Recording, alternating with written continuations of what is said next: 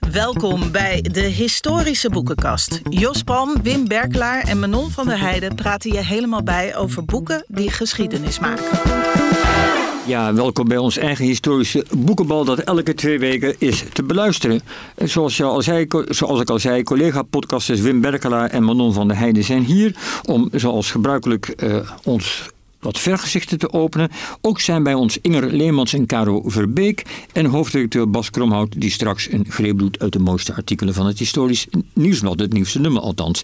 En we hebben ook altijd een wachthoekje in onze podcastkamer. En in het wachthoekje zitten ditmaal Joris Oddens en Annegreet van Bergen. We horen over twee weken wat ze op hun hart hebben, maar wellicht hebben ze al best iets zinnigs te melden over waar we het nu over gaan hebben. Ik heb alle vermoeden van wel. Uh, Manon, vertel eens, wat, eh, wat, wat, wat komen Inger Leemans en Caro Verbeek hier doen vandaag? Ja, die komen ons van alles vertellen over geuren eh, en over hun boek Neuswijzer Geuratlas van de Lage Landen. Goed.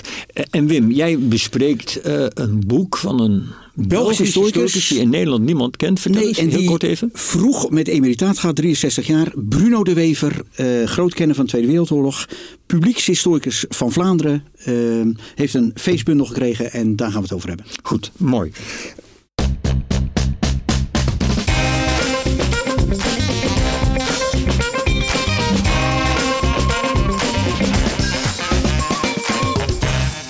Nu een boek over, we hoorden het al, wat de neus, of beter gezegd ons reukorgaan, met ons kan doen wat ruiken betekent en of de neus, de geur, een betrouwbare bron van herinnering is. We hebben het over het boek Neuswijzer, een geuratlas van de Lage Landen, een bundel van verschillende auteurs, samengesteld en van een voorwoord voorzien door de historici Inger Leemans en Caro Verbeek. We hoorden net hun namen al. En Inger en Caro zijn natuurlijk uh, vanzelfsprekend hier. Uh, nou, maar eens beginnen met iets, iets simpels. Eh, Caro, jij schreef al eerder over ons reukorgaan, met name over de neus als ja, wat die, hoe karakteristiek dat voor een mens is. En nu ga je die neus van binnen bekijken, als het ware. Je gaat kijken, wat doet die neus? Uh, waarom? Nou, ik ben al twintig jaar bezig met het bestuderen van de reuk. En heb toen uh, een soort zijpad genomen en ook de neus zelf omschreven, inderdaad. En nu weer terug bij geuren. En dit boek bundelt eigenlijk psychologische, biologische, historische inzichten in de reuk en taal ook, geurtaal. En dat was er nog niet, dus het was nodig dat het er kwam. En uh, dat boek wat je eerder schreef, heel even daarbij stilstaan, dat gaat over de neus van wie allemaal? Leonardo da Vinci, Federico da Montefeltro, Cleopatra. Mensen met allemaal een heel uitgesproken vormgegeven neus. En, en dat was niet een werkelijke neus. Maar hun neus moest communiceren wat ze deden.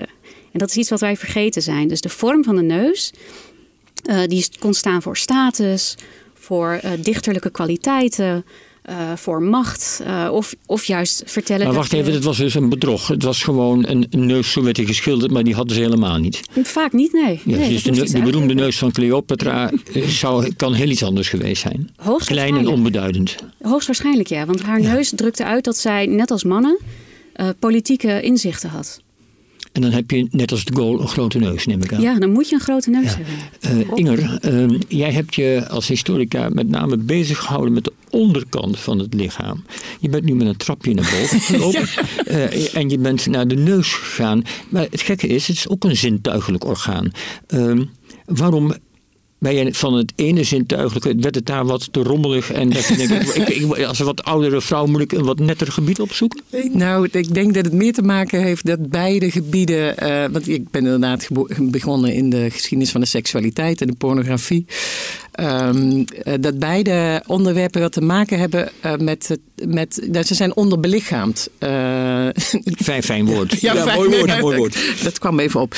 Um, dus zowel de geschiedenis van de seksualiteit als de geschiedenis van het ruiken in Nederland, maar ook breder dan dat, zijn onderwerpen waar weinig naar is gekeken. Die voor mij heel erg in het verlengde lagen. Want ik ben heel erg geïnteresseerd, denk ik, in hoe cultuur belichaamd en, en, is. En tot nu toe is de neus een gezellige een fijner onderwerp dan de onderkant? Nou ja, ik vind eigenlijk alles gezellig als historicus, moet ik zeggen. Maar uh, bij, ook bij de reuk kom je natuurlijk op behoorlijk uh, gruwelijke en ook uh, uitdagende geuren, geuromgevingen, landschappen.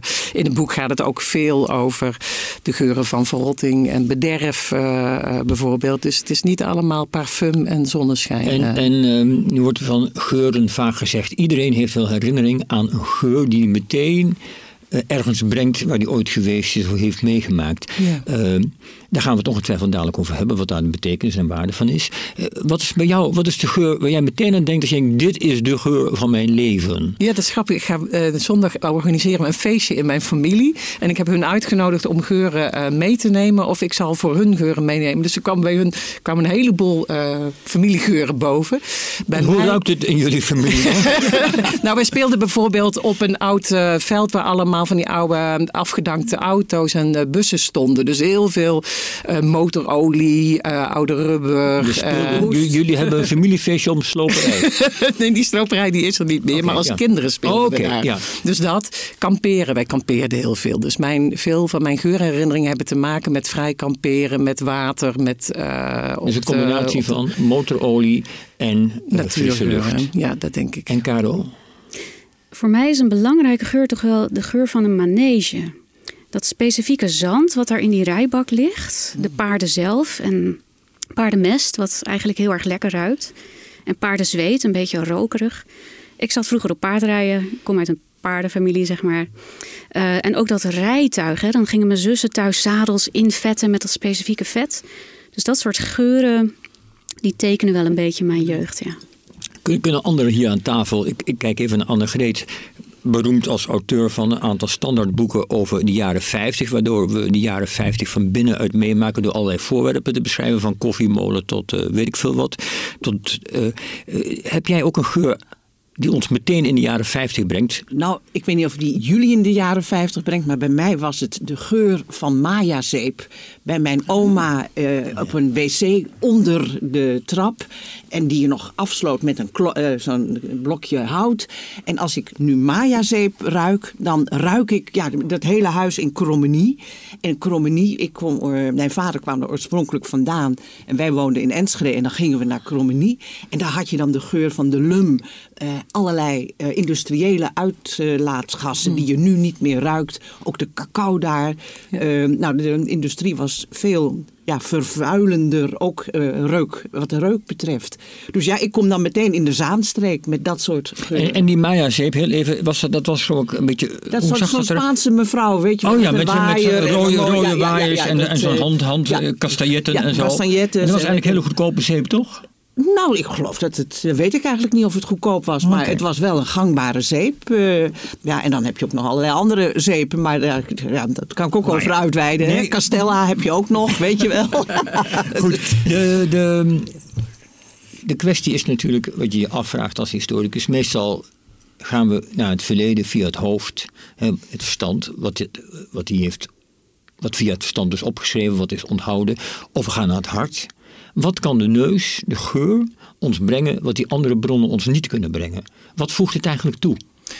Ja, er zijn, zijn denk ik twee dingen. De ene is, wil je iets weten over geur als een historisch fenomeen? En dan de tweede vraag is, kun je dan ook iets leren door je neus uh, te gebruiken? Dus ik denk, geur als historisch fenomeen is heel belangrijk om iets van te weten. Omdat geuren heel belangrijk zijn voor ons dagelijks leven. En, en maken wie we zijn. Ze zijn verbonden met uh, onze identiteit. Uh, met de manier waarop we gemeenschappen vormen. Nou, wat jij aangeeft, je liep als kind in een geuromgeving die er nu niet meer is. We hebben het, bij de neuswijzer hebben we vragen gesteld aan mensen.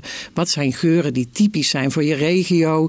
Of geuren die je vroeger hebt geroken en nu niet meer? En er komen inderdaad heel veel industriële geuren. Cacaofabrieken, koffiebranderijen komen boven.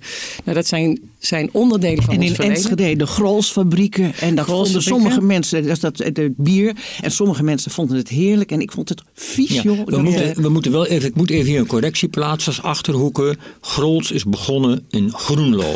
Grollen. uiteindelijk zijn ze in, bij, jullie tukkers, bij jullie tukkers terechtgekomen. Dat is ja. niet aan te doen. Vlak bij mijn middelbare school.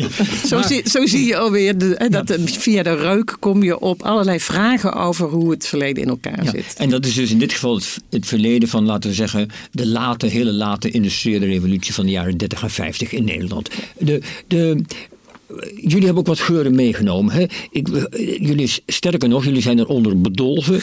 Uh, kunnen jullie één of twee geuren zijn? Dat zijn nou. Die wil, ik, ik meen zelfs dat er iets van, met de naam Willem van Oranje viel voor we begonnen. Vertel eens, wat hebben jullie, uh, hebben jullie iets van Willem meegenomen? En zo ja, wat?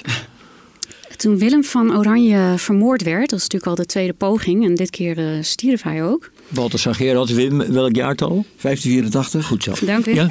Uh, dat weet hij gelukkig nog. Toen moest hij meteen gebalsemd worden. Dat betekende dat een apotheker als de Wiedeweerga allemaal stoffen, hele dure, dure, kostbare stoffen bij elkaar moest zien te brengen. Mirre, wierook, lavendel, um, tijm, noem maar op. Eigenlijk alles wat je uh, noemt zat er bijna wel in. Zo'n 40 ingrediënten. Die moesten bij elkaar gebracht worden. Er uh, werd een poeder van gemaakt. Uh, werd natuurlijk opengesneden. Moest van binnen schoongemaakt worden. Weer dichtgenaaid worden. Van buiten schoongemaakt worden. Er moest een, een zogenaamde sparadrap omheen. Dat was een, een stuk stof waar um, harsen in zaten. Zodat het helemaal werd afgesloten. Nou, dat rook heerlijk. Want dat waren allemaal ingrediënten die nu nog steeds in parfum worden gebruikt. Het kan zomaar zijn dat Willem van Oranje bij zijn dood lekkerder rookt dan gedurende dat is zijn leven. Ja. Dus, maar maar als, we, als we even stilstaan, want het, het geurtje gaat nu rond. Um, hebben we, ze zeggen wel eens, als je iemand een hand geeft die een beroemd iemand heeft uh, gekend, dan ben je one handshake away. Zijn we nu ook een beetje, hebben we het gevoel dat we laten we zeggen, één neus shake away zijn uh, bij, bij Willem van Oranje, Wim? Ben je nou, dichter bij Willem gekomen? Uh, nou, het is gek is dat het nog waar is ook. Want ik rook er net aan en je denkt... Beschrijf het, nooit over, beschrijf het eens wat je ruikt. Hele zoete, een beetje een zoetige geur, als ik het zo mag zeggen. Mm -hmm. Maar wat het interessante ervan is, dat ik zelf, en dat maakt het ook interessant, dit onderwerp, dat je zelf eigenlijk, althans geldt voor mezelf, ik denk voor velen, nooit echt nadenkt over geuren. Je denkt er gewoon als historicus ook niet over na hoe dat geroken is. Dus als je, als je het nu ruikt, moet je, heb jij het al geroken? Jazeker, ik heb het snel doorgegeven. Um, dan maar, komt dat toch dichtbij. Maar het is wel interessant, want je had bijvoorbeeld Johan Huizinga, sorry, even een zijlijntje. Die, die, het is beroemd bijvoorbeeld dat hij uh, tijdens een, een lessen over de kruistochten studenten een modelbouw van een toren bij Damiate liet niet nabouwen om te beseffen hoe die strijd ging. Dit is eigenlijk op een andere manier net zoiets, hè, dat je probeert het verleden te evoceren, dat je probeert dichterbij te komen door het niet voor je te zien, maar te ruiken.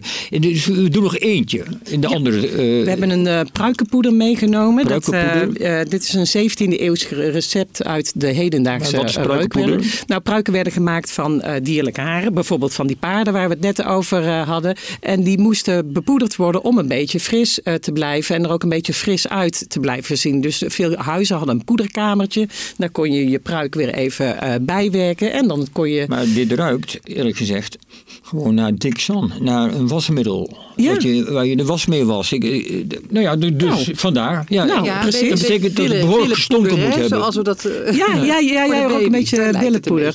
Iedereen had zijn eigen persoonlijke recepten, maar... Ja, zeg maar nee, maar dit is natuurlijk super interessant. Ik bedoel, dit maakt nou het, belang van jullie onderwerp wat duidelijk. Kijk, je ziet de Voltaires van deze wereld met die pruiken. Nu besef ik ineens die hebben een hele stream achtergelaten dus, van geur. Hè? Maar, maar dan moet je voorstellen, als je die man, in die buurt van die man liep. Maar goed, dan hadden ze misschien allemaal pruik op. Dan rook je dus zo. Ja, en precies. En wat zit erin? Ook civet. En dat is een, heel, dat is een animale geur. Die, is, die maakt het ook een veel sensuelere. Uh, dat poeder is een beetje babypoeder, maar, maar, het heeft ook een hele hard basisnoot ik, van. Ik heb ja. meteen een rare associatie, maar als iedereen dus die pruikenpoeder gebruikt, dan ruiken alle mannen hetzelfde. Hoe moet je dan nog via de geur op iemand vallen als vrouw of als, als man? Of weet ik veel. Dat We hebben dus toch ook allemaal persoonlijke parfums. Zo was het in de 17e eeuw ook. Mensen maakten hun eigen, uh, lieten hun eigen uh, pruiken. In de hedendaagse staan tien verschillende uh, varianten hiervan.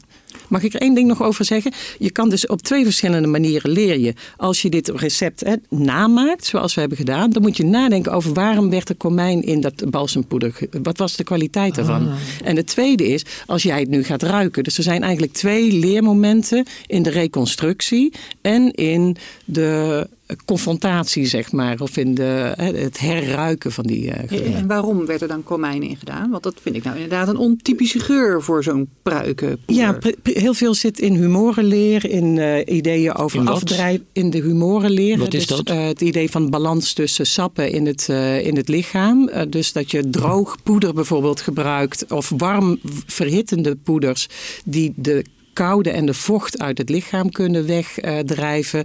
Dus dat ook gelijk medicinaal dus. Precies, er, werden heel veel, er zitten heel veel medicinale uh, ingrediënten we, in. We moesten in, in, die, in de opvatting van die tijd moesten wij een harmonieuze supplement-samenstelling hebben. Precies. Maar ja. daar zit ook mirre in dat gebruik, die gebruikt werd uh, ja. voor uh, Christus. Hè. Dus het is ook om Willem van Oranje op te hemelen als koning, farao en nou ja, een bijna goddelijke status te geven. Dus aan de ene kant zijn het medische componenten, aan de andere kant zijn het betekenisvolle. Uh, ja, en dat hing ik vind het wel leuk. Samen ja, Caro, zeg eens. Ja, sorry.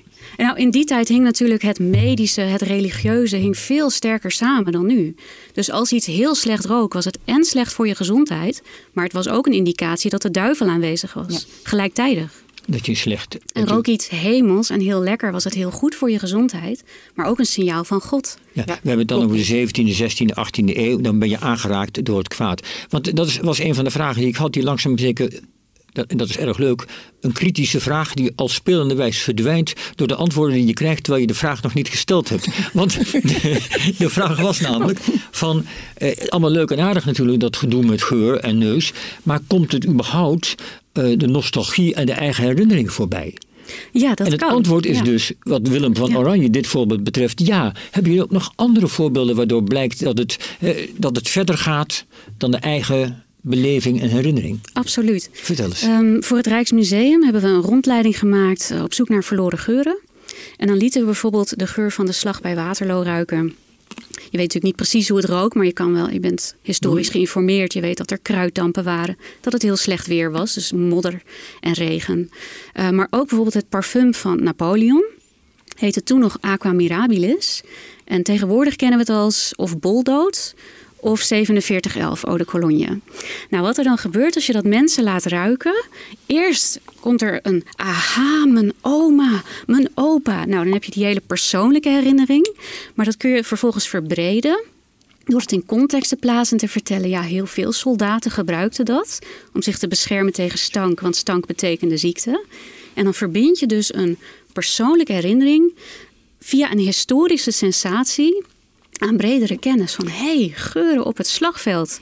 Je had goede geuren, slechte geuren, het werd bewust ingezet en daar denk je helemaal niet over na als je niet ruikt. Maar, maar dan is het natuurlijk wel zo dat de eerste uh, ervaring is een persoonlijke ervaring. Ja, ik, dat wel. ik, ik ruik dit, deze boldood ook en denk gelijk aan tante ja. Marie, die altijd uh, in de kerk hoofdpijn kreeg en dan zichzelf vol smeren met zakdoekjes vol met uh, uh, boldood, waardoor de rest van de kerk ook koppijn kreeg. um, maar, ook een stukje geschiedenis. Ook een stukje geschiedenis. maar wat jij zegt nu is, het, het, het reikt verder, maar dan moet je het er wel bij vertellen. Ja, je moet Snap er je? Dus dat, een verhaal dus bij vertellen. Is het ook denkbaar dat je het, zonder het te vertellen mensen ergens kunnen brengen. Ja, dat denk ik wel. Ik niet, ja, ja, nou, kijk, het komt ik, ik dus ook omdat je, omdat je zo slecht getraind bent. Omdat we zo slecht getraind zijn in het benoemen van geuren, in het kunnen analyseren van die geur, het uiteenhalen van, oh, hier zit citrus in, hier zit rozemarijn in. Waarom zat er rozemarijn in? Daardoor blijft het voor jou, hè, vooral de persoonlijke,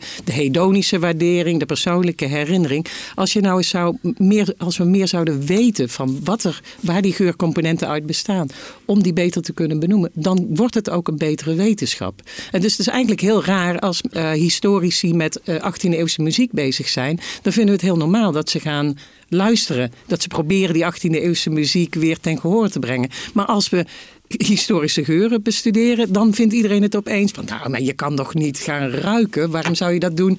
Het komt niet uh, voorbij het persoonlijke. Dat is eigenlijk, maar- zit daar iets heel tegenstrijdigs Het in, punt is natuurlijk, ja, dat vinden we omdat we, laat ik het in mijn woorden zeggen, eigenlijk qua neus volledig of behoorlijk gehandicapt zijn. Ja. Want eh, we hebben allemaal een paar hoofdgeuren en het stinkt niet meer gewoon gezellig op straat.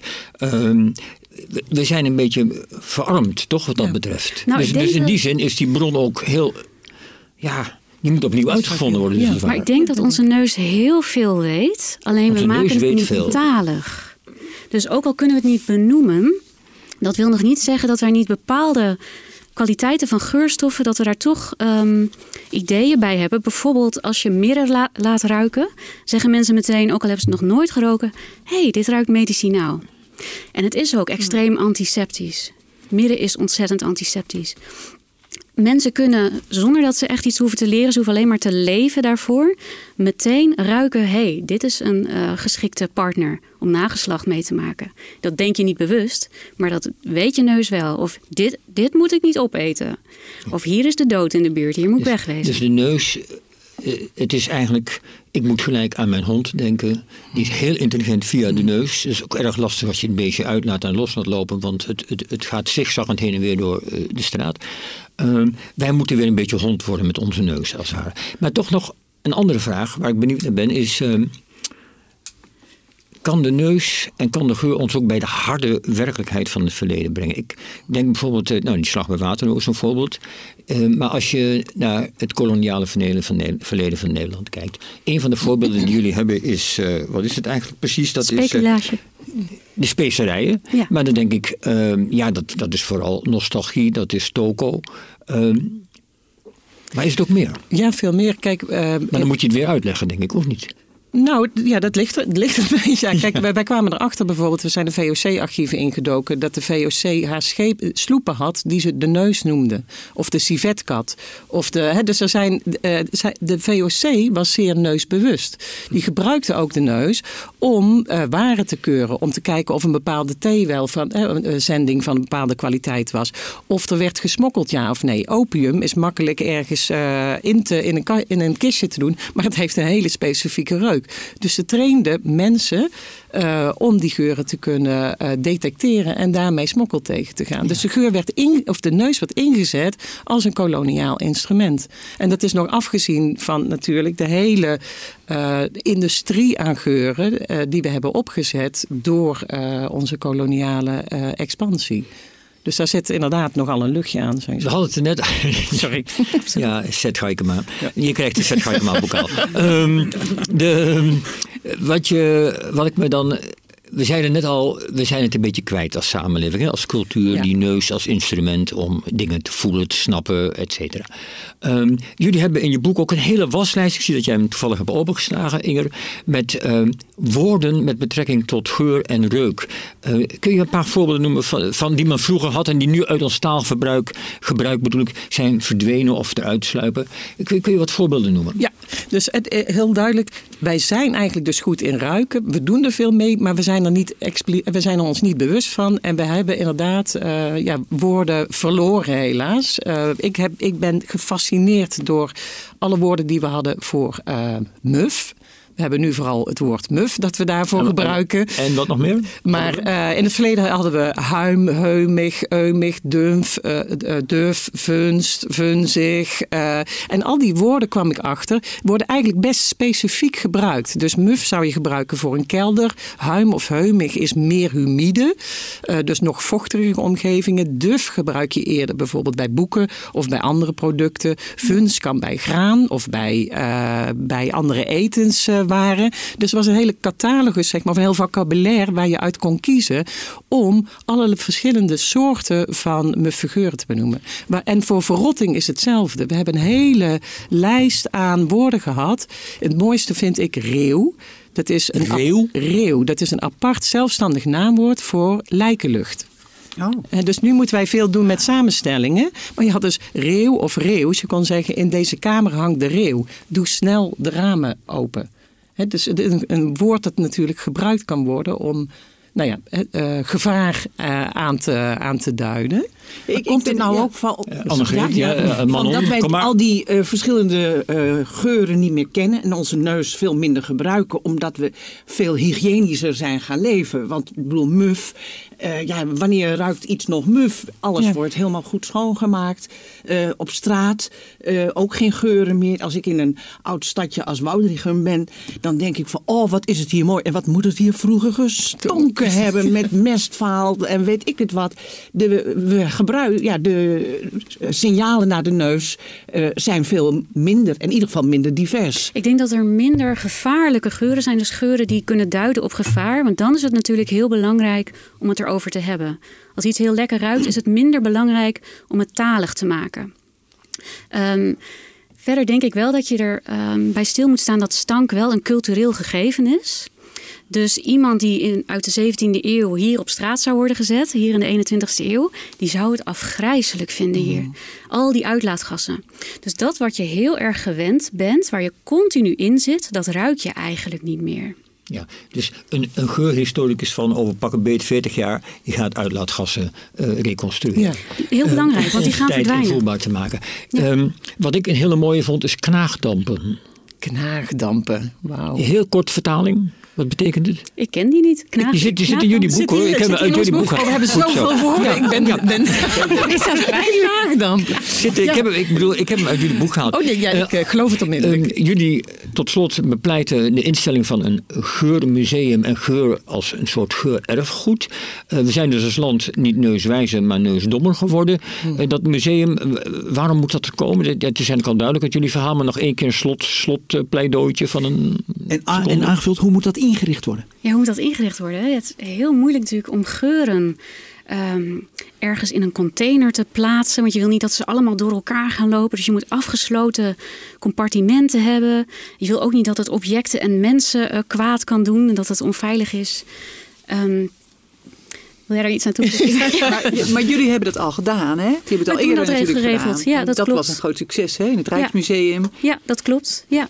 Dus je kan ehm, geuren die belangrijk zijn voor communities, die zou je voor bepaalde steden, industriële geuren, geuren die verdwijnen. Want het is toch ons meest fragiele erfgoed, wat ons het dichtst mogelijk kan brengen bij andere mensen en andere tijden. Dat is mijn pleidooi. Wat ik er zo mooi aan vind aan geuren is dat ze democratisch zijn. Iedereen ruikt, iedereen heeft een geurlandschap waar hij zich in begeeft. Dus dat museum is zo inclusief als wat. Eh, om- want eh, het is niet gecanoniseerd, het geurverleden. We kunnen alle kanten ermee op en iedereen kan er zijn eigen bijdrage aan geven. Dus wat het museum ook gaat worden, en het hoeft niet per se op één plaats te zijn. Het moet op een of andere manier eh, net zo volatiel en mobiel eh, als geuren zijn, zou ik zeggen. We gaan, het, we, gaan het, we gaan het allemaal meemaken en we gaan het wellicht ruiken. Inge Leemans en Caro Verbeek bedankt. Het boek heet dus Neuswijze, een geuratlas van de lage landen. De boekbespreking van Wim Berkelaar. Ja, Wim, ehm, de publieke historicus Bruno, Bruno de Wever en zijn vak. Dat eh, kondigde je al aan, dat ga je voor ons bespreken. Eh, wat is het voor een boek?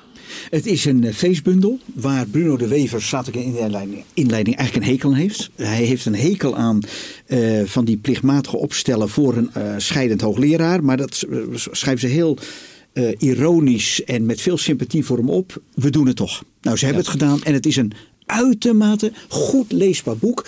Niet, eh, laten we zeggen, wat je wel eens hebt bij die feestbundels. Dat het wemelt van de voetnoten en eh, die staan er vrijwel niet in. En, en laten we zeggen, vertoon van geleerdheid van leerlingen aan de meester. Nee, het is gewoon een boek van leerlingen. Vlot opgeschreven, eh, zonder duurdoenerij. Ja, Ik heb wat, hem met plezier maakt dat gelezen. jij dit, wat maakt dat jij dit boek, waarvan je denkt, het is toch een boek voor historici, door historici, eh, onder aandacht van een, laten we zeggen, een beetje breder publiek wil brengen? Kijk, dat brede publiek heeft interesse in het, eh, in het nationaal socialisme, fascisme, Tweede Wereldoorlog.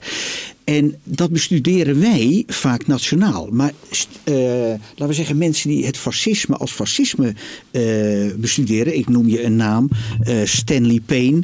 zo zijn er meer te noemen, Wolfgang Wie- Wieperman. Die, die maken studies van het fascisme eigenlijk als internationaal verschijnsel. Ik vind dat wij laten we zeggen, studenten van of eh bestuurders van eh, het, de NSB in Nederland, zouden eigenlijk ook kennis moeten Wat heeft het nemen. allemaal met Bruno de Wever te Alles, maken? ik ga het je zeggen. Die zouden ook kennis moeten nemen van een taalverwant land, namelijk eh, Vlaanderen, België, waar eigenlijk soortgelijke processen eh, zich eh, plaatsvonden. En Bruno de Wever is bij uitstek de man die het, eh, de, Bel de tegenhanger van de NSB, de Belgische tegenhanger, het Vlaams Nationaal Verbond, het VNV, met de leider Staf de Klerk, dat heeft hij heel goed en breed in beeld gebracht. Hij, hij is een kenner van het, eh, de flamigantenbeweging, de, de collaboratie, allemaal in België in de, in de oorlog en voor de oorlog, al die Vlaamse Juist. nationalistische beweging. Eh, kun je hem even ook voor, voor ons introduceren? Hij is ook een broer van die beroemde politicus Bart, Bart de Wever. Hoe zit dat allemaal? Wa- wa- Wat voor nest komt hij? Hoe, wat heeft hij van huis uit meegekregen? Wat is het voor man en hoe zit dat met die broer? Maar dat maakt het zo interessant. Kijk, Bruno de Wever is niet een academisch historicus die eens gaat kijken naar hoe was het met de collaboratie. Nee, Bruno de Wever en Bart de Wever, de huidige burgemeester van Antwerpen, Stammen uit een volledig collaborerend eh, milieu. Zijn vader, Rick de Wever, dat was een, uh, een spoorwegman, die, die was, zat diep in die collaboratie. Die collaboratie moet wel zo bestaan.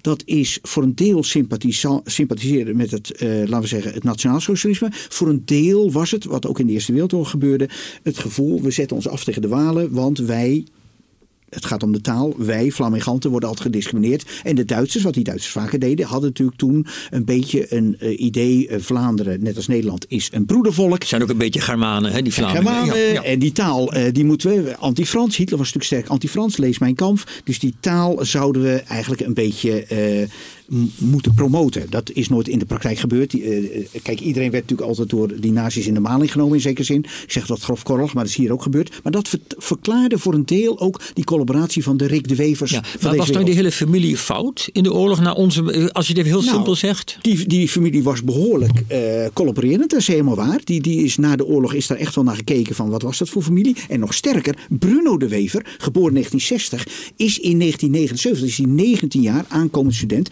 Dan dan schrijft hij nog in het Paliterker. Het Paliterker, dat is echt een collaborerend tijdschrift na de oorlog. En dan schrijft hij bijvoorbeeld, je weet, je hebt al die aanslagen in Baskeland. Die opstanden. En dan zegt hij dat lamme, flauwe volk in Vlaanderen zou eens een voorbeeld moeten nemen aan de Basken. Dus dan is hij nog helemaal in de sfeer van, uh, wij Vlamingen moeten eigenlijk, en dan steunt hij nog een beetje, natuurlijk trouw aan zijn vader, wij moeten ons emanciperen en als het niet zacht gaat, moet maar hard gaan. Ja, en daar komt hij dus wel van af, hè, van dat idee. Nee, dat, dat is het grote van Bruno de Wever. Wever hij gaat studeren uh, in Antwerpen. Dan heb je al uh, in Leuven een beroemd historicus, Lode Wils, die al, die leeft nog steeds in de negentig. Die maakt al steeds werk van, uh, we moeten die collaboratie aan, aan de orde stellen. Daar studeert hij niet, maar dan gaat hij eigen beweging op zijn manier schrijft hij het grote boek. Helaas, moet ik bekennen, heb ik het nog nooit gelezen. Greep naar de macht. Een boek van 700, 800 pagina's. Dat is, dan doet hij die hele collaboratie van Staf de Klerk, de, de van Mussert en het Vlaams Nationaal Verbond doet hij uit de doek. En dat doet hij op een manier dat hij al die mensen die nog leven boek is uit 94. Gaat hij allemaal interviewen? Het is leuk hoeveel je weet te vertellen over een boek wat je niet gelezen nee, ja, hebt. vooral Darwin. Ja, ik heb er ver over gelezen. Het, het, nee, ik, moet, ja, ik kan wel zeggen dat ik het gelezen heb, maar ik heb het niet gelezen. Maar hij heeft, wat, wat hij wel, dat komt ook uit dit boek naar voren. Hij is dus al die mensen die dus uh, nog leefden en collaboreerden, is zich gaan interviewen. En die mensen waren natuurlijk zeer wantrouwend in dat politiek klimaat van de jaren 80, 90. Die dachten, daar komt weer zo'n historicus die onze les gaat lezen. Dus dat boek is voor een deel heel goed gevallen bij ons. Laten we zeggen, afstandelijk, nuchter kijkende historici, als je het zo mag zeggen. Dat is een zelfbeeld, maar goed. Uh, maar het is ook goed gevallen, toch nog goed gevallen, bij die Flamenganten die geïnterviewd werden. Want die dachten, nou ja, dan wordt het dan toch een keer verteld. Maar uh, dan moet hij dus eigenlijk zijn eigen vader, zijn ooms, uh, eventueel tantes, gaan interviewen over hun collaborerende, ja. collaborerende verleden. Enig idee hoe dat gegaan is, die gesprekken? Want ik kan me voorstellen, ja. Nou ja, kijk hoe dat, gegaan, kijk, hoe dat gegaan is. Hij, is natuurlijk, hij, hij komt daar binnen als één van hen. Dus hij is één van hen. Het gaat niet alleen over zijn eigen familie, maar ook over anderen. Want ze kennen allemaal, oh, de zoon van Rick de Wever. Dus dat is met een zekere... Uh, mildheid is hij al ontvangen.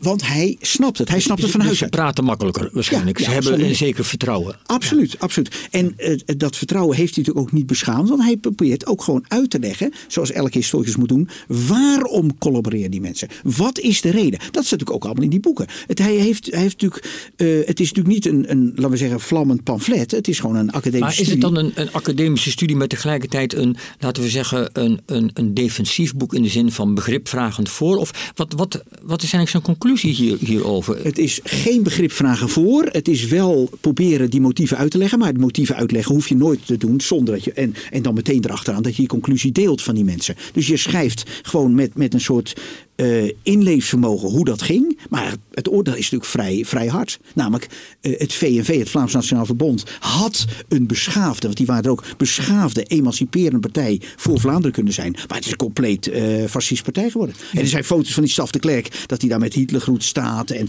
dus kortom, en dat laat hij wel heel goed zien. Het is afgegleden in de collaboratie en, en meer. Zit er ook bij Bruno de Wever dat hij dit onderwerp heeft gekozen uh, om als het ware uh, klokkenluiders een te groot woord, met te waarschuwen voor een soort trek in dat Vlaams nationalisme, een soort neiging om de foute kant op te gaan met de opkomst van eh, dingen als Vlaams Belang en dergelijke. Zit, zit daar iets bij? Iets Nee, om? dat zeg je, dit zeg je heel goed. Kijk, dit is waarom hij de publieke historicus is geworden. Kijk, dat, dat greep naar de macht, dat proefschrift had een academisch werk kunnen blijven. Maar hij is al, werkend aan het proefschrift, is hij, dan moet ik die naam even noemen, eh, in contact gekomen met de Lou de Jong van, de, van België, namelijk Maurice de Wilde. Maurice de Wilde is een journalist, die heeft een hele reeks gemaakt over de Vlaamse collaboratie. Is hem hoogst kwalijk genomen, want eh, Maurice de Wilde is, die gaat met gestrekt been in, is, is vrij hard. Maar een van de gesprekspartners van Maurice de Wilde is de jonge Bruno de Wever. Maurice de Wilde is al lang niet meer onder ons, maar dus hij heeft en toegang tot die, laten we zeggen, collaborerende zijn eigen familie en anderszins. Maar hij heeft ook toegang tot de publieke omroep. Waar Maurice de Wilde als een soort Lou de Jong, een scherprechter, rondliep. Dus, en, en, dan, en dat doet hij ook heel goed. Hij komt eruit. Maar hij komt er ook echt uit. En, dan gaat hij echt, laten we zeggen, spreekt hij over. En ook min of meer oordelend over hoe het geweest was. Dit is de historicus die oordeelt, die via een degelijk oordeel waarschuwt. Ook, ook, ook natuurlijk begripbeleid. hè? dus het is niet alleen maar hard Ja, oordeelt. Oké. Ja, maar ook desondanks ook waarschuwt. Hè? Begrip heeft en waarschuwt. Hoe gaat dat dan met zijn broer? Want eh, Bart de Wever, eh, conservatief, Ook historicus. ja, maar conservatief nationalistisch politicus. Ja. eh, door sommige columnisten zelfs beschuldigd van beleefde xenofobie. Is, is het werk van Bruno ook een soort lange neus en zijn broer? Nee, het zou je verbazen. Die broers zijn, hoewel er tien jaar tussen zit. eh, en Bruno de Wever wel anders denkt. Maar die broer- broers zijn heel. Eigenlijk zijn die vrij goed met elkaar. Die zijn zelfs zo goed dat op een gegeven moment wordt Bruno de Wever gevraagd om een. eh, om een soort holocaust-herdenking en museum in te richten. En eh, dat wil hij doen in vergelijkend perspectief. Dus hij wil dat, laten we zeggen, naast de Holodomor in Oekraïne, de hongersnood in Oekraïne, naast de Stalinistische eh, misdaden. Hij wil het vergelijk, in vergelijkend perspectief. Dat wordt niet in dank afgenomen door de bestuurders van eh, België. Dus hij krijgt een mot mee, hij gaat weg. Maar dan wordt hij toch gesteund door zijn broer Bart de Wever. Die zegt, je moet het in vergelijkend perspectief zien. En dat doet Bart de Wever niet eh, alleen, zou je verwachten, als eh, eh, voorzitter van die Vlaamse partij omdat hij de holocaust wil ehm, relativeren. Nee, Bart de Wever zengt, als je, als want ook Bart de Wever is historicus, als je dat goed wil begrijpen, die holocaust, moet je het in perspectief zien en moet je het ook vergelijkend kunnen doen.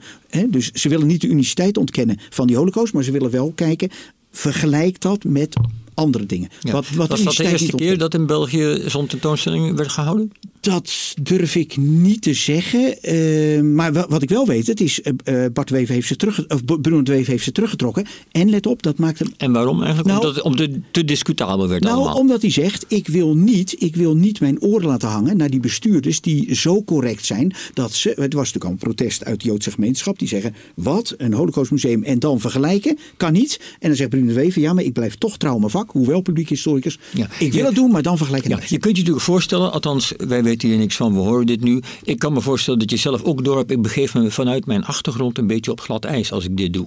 Dat, want je weet dat dat toch tegen je gebruikt gaat worden, of dat dat toch meegewogen Ah, heb je gaat worden. gelijk, Ja, ik, ik ben En- nou ook ja, heel erg en benieuwd, hè? want ja. dit gaat natuurlijk niet over Bruno de Wever zelf, maar vooral ook over wat hij in het vakgebied heeft gedaan en wat anderen daarvan vinden. Want daar gaat dit boek natuurlijk toch over. Leerling ook, hè? Dat moet ik. Leerlingen. Dus ik ben wel heel erg benieuwd hoe dat terugkomt hier in die bundel die jij bespreekt. En wat de perceptie zeg maar, is dan van die leerlingen op dat werk van hem. Kijk, dat gaat zo. Er staan een aantal stukken in. Eén van die stukken gaat over eh, de historische roman, de historische fictie. Bruno de Wever heeft zich nooit bemoeid met historische fictie. Maar er is een eh, Belgische historica die intussen allemaal historische romans heeft geschreven. Wat een leerling van hem is. En die zegt dan... eh, die zegt dan... ehm, ik ben door een opmerking van Bruno de Wever... ben ik op die historische roman gekomen. En eigenlijk heeft me dat gestimuleerd. Maar dan zeg ik een komma bij. Zelf heeft hij dat nooit eh, gedaan. Maar als leerlingen heeft ze toch het gevoel gehad. Hij ziet dat je als historicus nooit helemaal harde wetenschap bedrijft. Maar dat je nou ja, dingen invult. En dat heeft zij zo ingevuld. Ik ga een historische roman schrijven. Wel bedenken, die bundel is natuurlijk geschreven door leerlingen. Dus eh, die, dus die, die een raakt thema's aan. Ja. Het is zeker een eerbetoon. Maar het zijn ook zelfstandige stukken. Maar zit, ja, zitten er dan ook kritische noten in? nou, eigenlijk over de wever niet. Nee, nee, ze pakken thema's van hem op en die werken ze uit. Een van de dingen die ze uitwerken is bijvoorbeeld de holocaust-ontkenning. Nou, dat, en dat is zo'n leerling van hem, Nico Wouters, die gaat dan dat helemaal uitspitten. Omdat Bruno de Wever zich daar natuurlijk ook eh, mee bemoeid heeft en zich tegengekant heeft. Ja. Hebben we in Nederland één historicus die hiermee te vergelijken is? Nou, het is raar. Hij zit nu achter mij. Maar weet je dat ik moest, toen ik, ik moest denken aan dit werk aan eh, onze vriend Bas Kromhout. Het is misschien hoofdredacteur van Historisch Nieuwsblad. Ja, Ja. Het, nee, nee, het, eh, Bas, nee, maar ik ga het zeggen. Bas, het, zal, het zal Bas verbazen. Bas is een kenner van dat Nationaal Socialisme in Nederland. Bestudeert echt fout Nederland. Hè, van Henk Veldmeijer. Eh, maar hij maakt ook een historisch nieuwsblad. Dus is ook een publiekshistoricus. Ja, Bas, ik weet het. Ik mag Laten het we, zeggen. laten we zeggen, eh, weet je wat, ik, ik, ik ga, Maar Bas, toch is het ik niet ga veel. Bas eentje helpen. Het is ongeveer net zoiets als je zegt van, ja, als ik Benny Jolink zie, of eh, de gitarist van allemaal, Freddy Jorlij, ja, die heeft ook wel iets weg van Keith Richards. Ongeveer in, in, in- op dat niveau. Nou, Eh, laten we, zullen laten we, het het daarop, doen? laten we Ja. het daarop houden. Maar ik hou de vergelijking wel staande. Vergelijking, hè? is me niet, Goed. niet gelijk Het, trekken. eh, het boek heet dus ook weer, Wim? Wim het boek? Het boek heet eh, De publieke historicus Bruno de Wever en zijn vak. Wat staat er deze maand in het Historisch Nieuwsblad? Ja, wat staat er deze maand in het Historisch Nieuwsblad? Nou ja, zijn naam is net al genoemd. eh, ehm, eh, Bas Kromhout, die waarschijnlijk een pleidooi gaat houden protest aan, maar- om, om protest aan te tekenen en dit eruit te knippen. Daar gaan we nog even diep over nadenken. De vorige opmerking of die eruit geknipt moet worden. Goed, Bas, vertel even. Wat, wat, eh, wat moeten we in elk geval gelezen hebben eh, in het Historisch Nieuwsblad Ja. deze maand? Nou, het sluit een beetje aan bij het thema eh, dat Wim heeft besproken. Eh, waar ik heel erg eh, blij mee ben, is dat wij in het nieuwe nummer iets kunnen brengen wat echt uniek is, wat nog niet eerder is gepubliceerd. Dat zijn namelijk foto's uit een album van een Duits-Joods echtpaar, Jules Lozinski en, en Ruud Weil, die in 1938 naar Nederland zijn gevlucht, in Amsterdam zijn komen wonen. Eh, waarvan de vader Jules eh, de holocaust niet heeft overleefd. Eh, de moeder Rut wel. En een zoon, ehm, ehm, die heeft nu, dat is Jack Weil, die heeft die familiealbums herontdekt. En dat levert prachtige foto's op van, van hun leven. Van van voor, voor de, de catastrofe natuurlijk. In Berlijn en in Amsterdam. En dat, ja, dat, dat zijn gewoon echt niet alleen hele goede foto's. Maar het, het is ook een heel indringend beeld, vind ik zelf. Natuurlijk met de kennis die je, die je nu hebt. Maar je ziet ook eh, de naderende onheil zie je, zie je ook komen. Maar wat ook zo mooi aan is, eh, Bas, want ik zie net de blad, bladzijde, ik, als je hem even terugslaat. Ja. Kijk, ik zie daar een groepje mannen eh, hardlopen in een, in een trainings, eh, nou, Mhm. ook in een, in een shirt van een atletiekclub. Ja. En weet je, toen ik die foto zag, dacht ik, maar god, weet je, dan ga je hele domme dingen denken. Dan denk je namelijk dingen als van, ze moesten, nu zijn ze gaan uitsloven voor zoiets onnozels belangrijks als sport. Ze moesten eens weten. Ja. Weet je, je gaat op een hele rare manier, als je dat gewone, het geluk ziet. En je weet hoe dat doorgeknipt wordt. Dan, die foto's krijgen daardoor iets, iets, iets Dus gruwelijks. kijk, het is heel gruwelijks. Je, je, Ja. ziet- je ziet inderdaad het geluk. Hè. Het, is een jong, eh, een jong echtpaar. Zijn de, zijn de, de vroege dertigers als ze naar Amsterdam komen.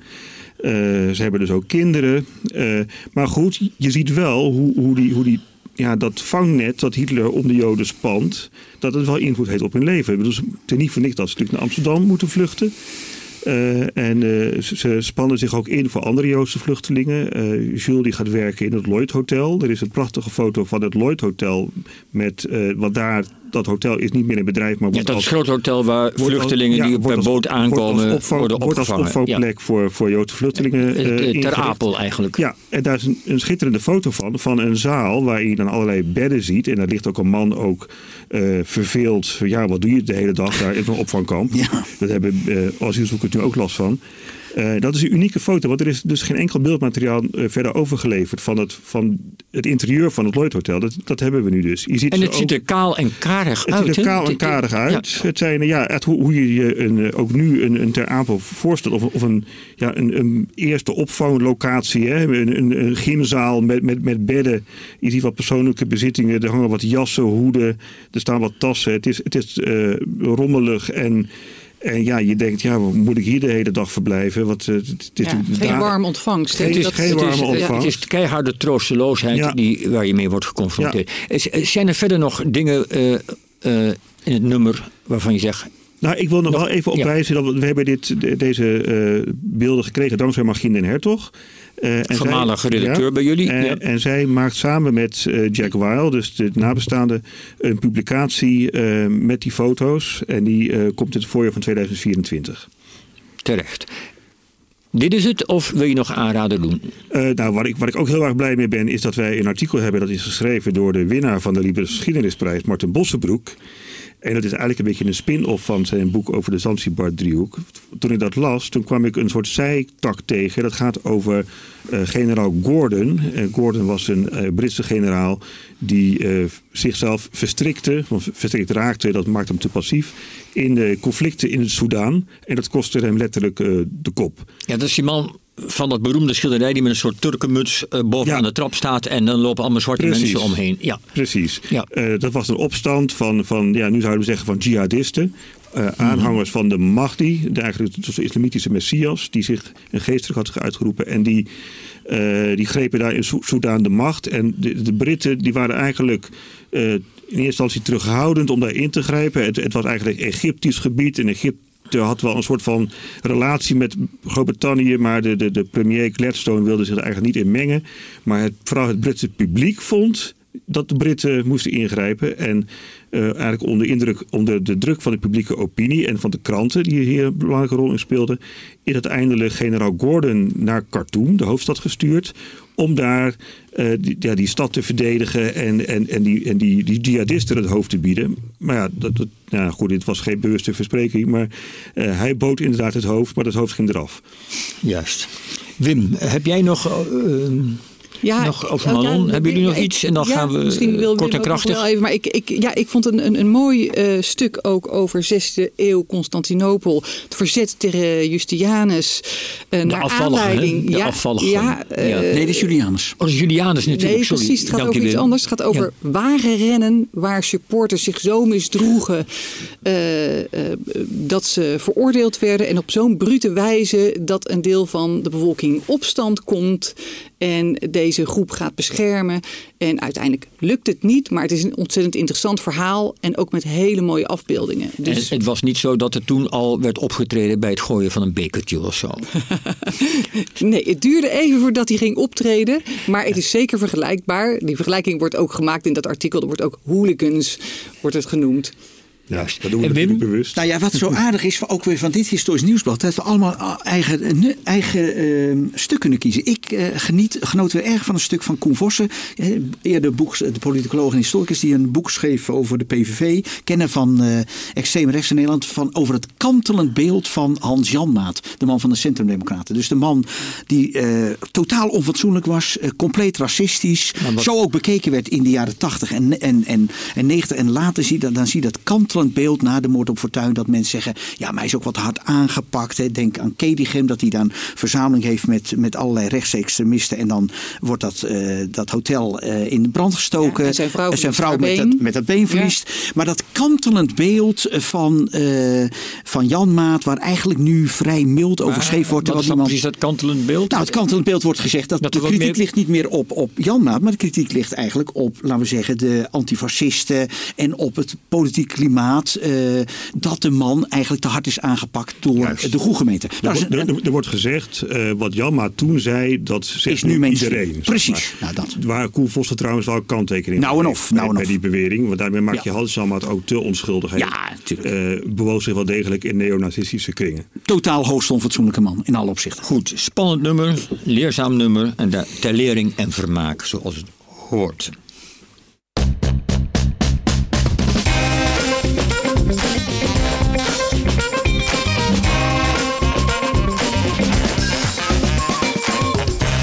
Ja, ditmaal hadden we het in de, historisch, in de historische boekenkast over de neus, ons eigen reukorgaan als rijke historische bron. We hadden het over de beroemde Vlaamse historicus Bruno de Wever, kennen van het Nationaal Socialisme en Collaboratie. En natuurlijk horen we wat het beste was in Historisch Nieuwsblad ditmaal. Dank aan onze gasten Inger Leemans en Caro Verbeek, aan Annegreet van Bergen en Joris Ottens voor hun betrokken aanwezigheid en aan Wim Berkelaar en Manon van der Heijden en natuurlijk ook aan Bas Kromhout. En uiteraard ook dank aan Astrid de Jong, de nachtzuster op vrijdagnacht op Radio 1 voor het lezen van de teksten. En natuurlijk uiteraard ook aan de technicus Juri Kapai voor het verzorgen van de techniek. En vanaf half oktober gaat er weer een nieuwe aflevering van de historische podcast in de lucht. Je luisterde naar de Historische Boekenkast. Een podcast van Historisch Nieuwsblad. Wil je meer weten over historische boeken en verhalen uit de geschiedenis? Schrijf je dan in voor de nieuwsbrief via historischnieuwsblad.nl slash nieuwsbrief. En heb je vragen, opmerkingen of tips? Mail dan naar redactie.historischnieuwsblad.nl Deze podcast wordt mede mogelijk gemaakt door Boomuitgevers Amsterdam, Uitgeverij Lano, Uniboek Het Spectrum en Libris Boekhandels.